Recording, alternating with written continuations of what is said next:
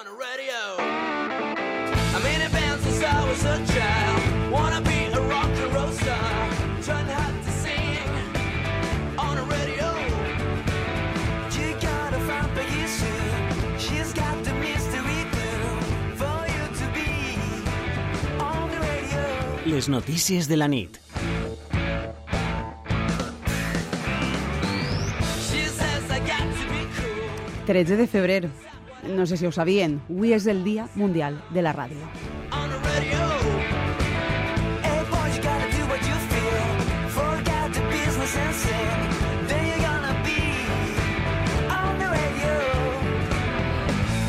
L'elecció és tan casual com el fet que va ser també un 13 de febrer, en este cas del 1946, quan es van iniciar les emissions de la ràdio de les Nacions Unides. Fa cent anys que comença a emetre la primera ràdio a Espanya, Ràdio Barcelona, i poc més de 90 de la primera casa nostra. En el 89, 1989, començaven les emissions de la ràdio autonòmica valenciana, ja a tocar del segle XXI. Quedaven enrere les dècades de més esplendor d'este mitjà.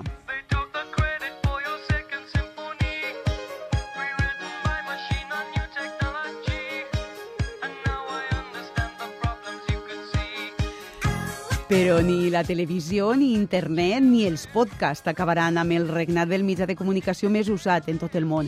A Espanya la sent més de la meitat de les persones majors de 13 anys i pràcticament el 20% del total d'oients la sent directament a través d'internet o en streaming o en format podcast, segons dades de l'any passat.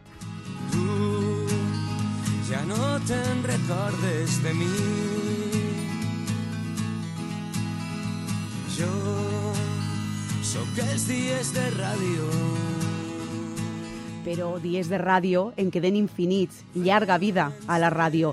L'escolten vostès com l'escolten. Pero tú camina y camina y corre la noticia. Corre la noticia, utiliza Radio Bemba. Camina y camina. Camina y camina. I d'això parlem tot seguit en les notícies de la nit. Com escolten ràdio, ens estan sintonitzant, tenen l'app en el mòbil, arriben, arribem nosaltres a vostès en directe o ara mateix estan sentint-nos el podcast i ja és divendres per a vostès quina enveja. I se'n va la màgia si ho fan així, canvia l'experiència, es millora. Parlem del podcast, Sara. Sí, del podcast tan allunyat de les bobines obertes eh, que es tallaven i es rebobinaven a mà, dels grans magnets, eh, dels vinils per a fer sonar les músiques i els efectes sonors els podcasts tan allunyats dels cassets, eh, dels CD i dels DVD, els eh, podcasts més pròxims als actuals arxius digitals. Una ràdio pot ser menys intuïtiva que la de fa uns anys enrere, però amb les mateixes ganes de transmetre i de compartir. Parlem eh, del podcast en general, però també de la plataforma de Punt en particular. Et donen les eh, xifres. 20 produccions disponibles, algunes d'elles estrenes. Més de 400 capítols, 500 hores d'àudios en valencià de qualitat que aborden tots els eh, gèneres possibles. Ficció, humor, entreteniment, documental, música i no paren, no parem de treballar i estem pendents de nous continguts que arribaran molt pronte, Alba. Corre la notícia, utilitza Radio Bemba. Som sense rostre, però conservem el nom. La paraula és l'única arma que ens queda. La paraula és l'única arma que ens queda ara. Escúchalo. Pero tú camina y camina y corre la noticia. Corre la noticia, utiliza Radio Bemba. Camina y camina y corre la noticia. Corre la noticia, utiliza Radio Bemba. Camina y camina. camina. Camina y camina y corre la noticia. Corre la noticia, utiliza Radio Bemba. Camina y camina. I ho abordem tot això amb Borja Flors, cap de programes d'Apunt, i amb la comunicadora i divulgadora i literària i escriptora, Irene Rodrigo. Saludem a Irene. Irene, bona nit, com estàs? Hola, molt bé, i vosaltres? Feliç dia de la ràdio. Igualment.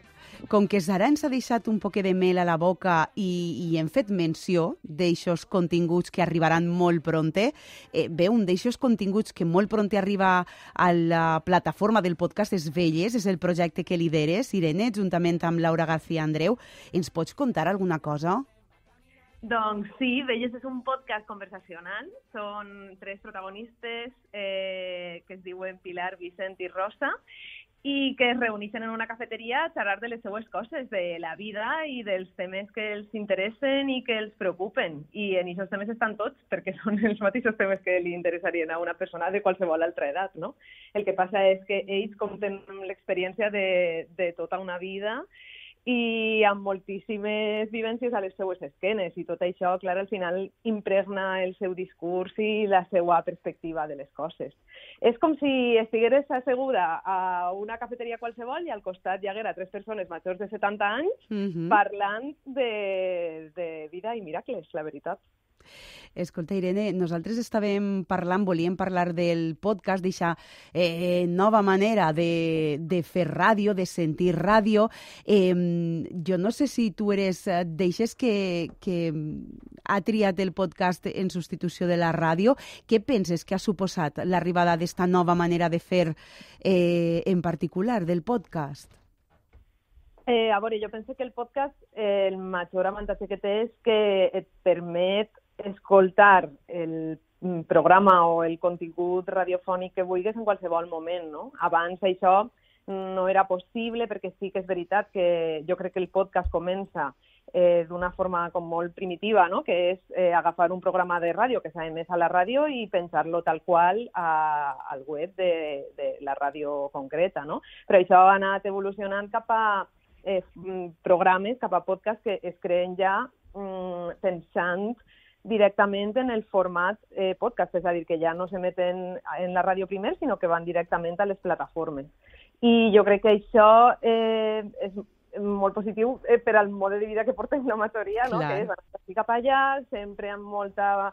Que, que bueno, això hauríem de reflexionar, a veure si caldria canviar un poc això, no? però mentre estem en aquesta voràgine d'anar d'ací cap allà, de no tindre temps pràcticament per asseure i escoltar la ràdio tranquil·lament, eh, i, i, i d'alguna manera estar disposada a assimilar qualsevol cosa que, que, que, que estiguem posant en aquest moment, doncs està molt guai tindre eh, tanta oferta de continguts i que pugues trobar sempre un podcast Mhm. que parlarà d'alguna cosa que t'interessa, no?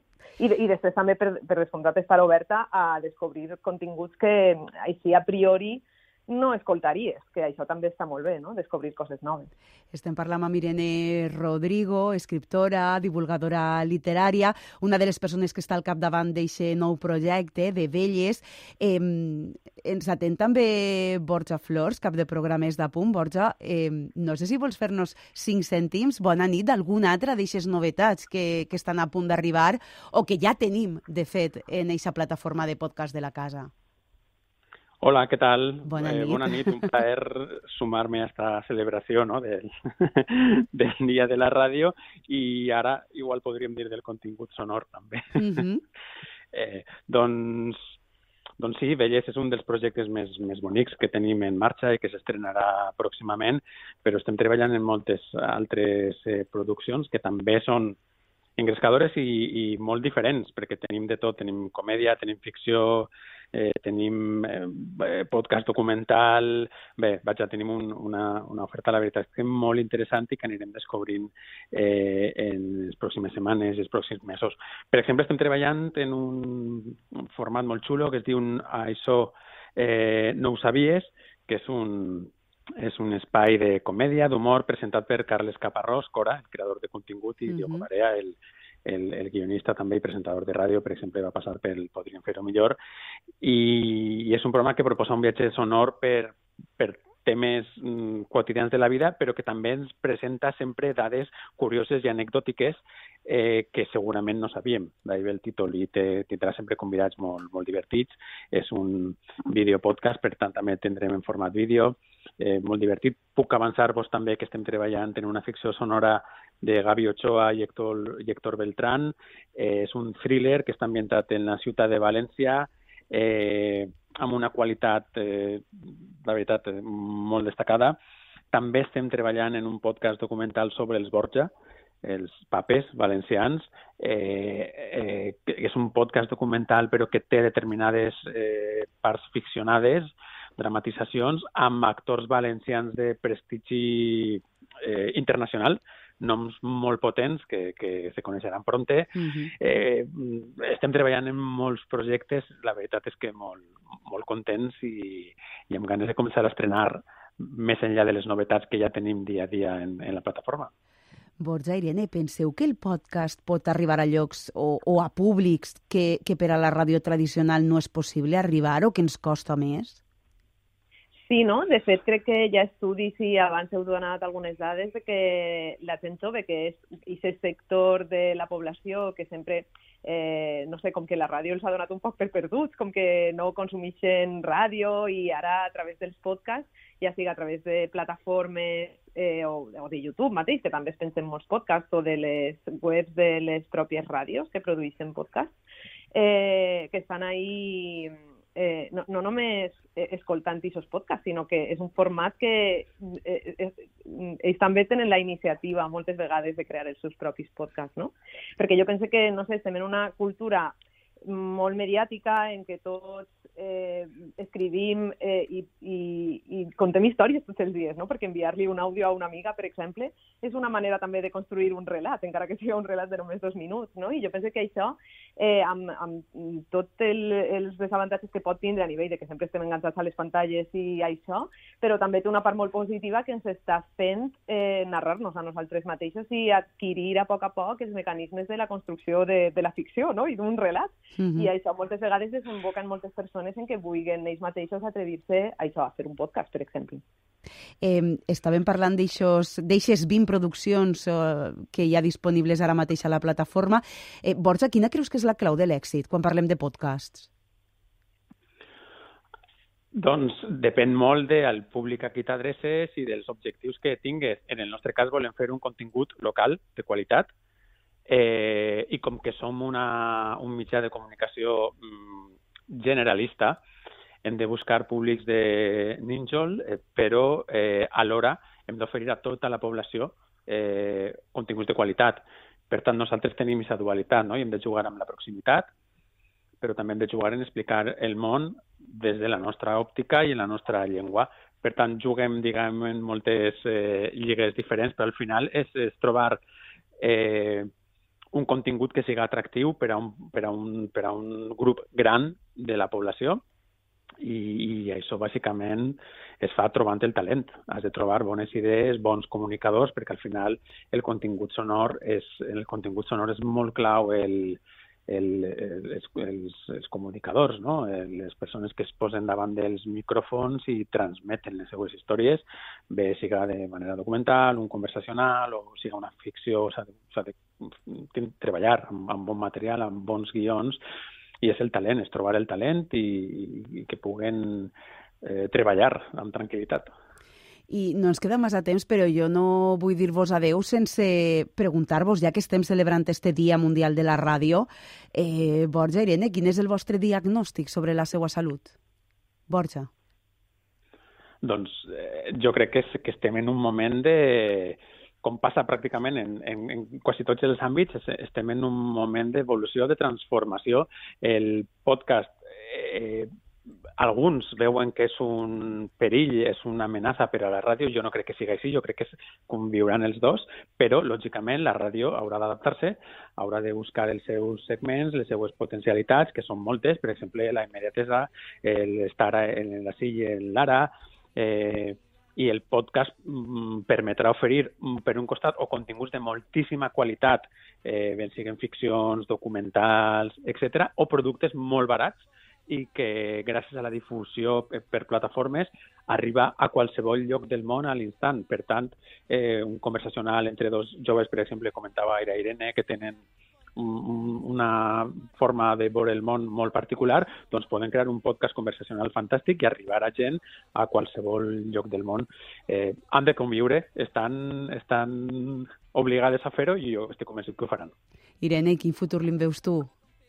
Jo opine, no puc afegir molta cosa més al que ha dit Borja, la veritat. Jo també pense que el podcast no és una amenaça per a la ràdio, sinó al contrari. O sigui, és un element que pot eh, fomentar el consum de ràdio, de fet. I, I pense que el fet que apunta estiga apostant per una plataforma de podcast de fet, és un senyal que això passa, no? que, que ara mm, puguem tindre i que a poc a poc eh, es- estiguen pujant-se i que vagin a pujar-se en els pròxims mesos mm, podcast en valencià, no? que és una cosa que existia ja, no? perquè n'hi ha podcast en valencià des de fa anys, però que una televisió, una radiotelevisió pública aposta per això, jo crec que és un símptoma de, de com eh, les persones tenen ganes d'escoltar, ja siga en podcast o ja siga en ràdio, però històries que mereix la pena contar. Doncs Borja Flors, Irene Rodrigo, gràcies per esta conversa mini. Que vagi molt bé, llarga vida a la ràdio. Moltes Que així gràcies. siga. Moltes gràcies. Adéu. L'únic arma que ens queda, la paraula és l'únic arma que ens queda ara. Escúchalo. Pero tú camina y camina y corre la noticia. Corre la noticia, utiliza Radio Bemba. Camina y camina y corre la noticia. Corre la noticia, utiliza Radio Bemba. Camina y camina. Camina! Camina y camina y corre la noticia. Corre la noticia, utiliza Radio Bemba. Camina y camina. Escoltes a punt. Les notícies de la nit.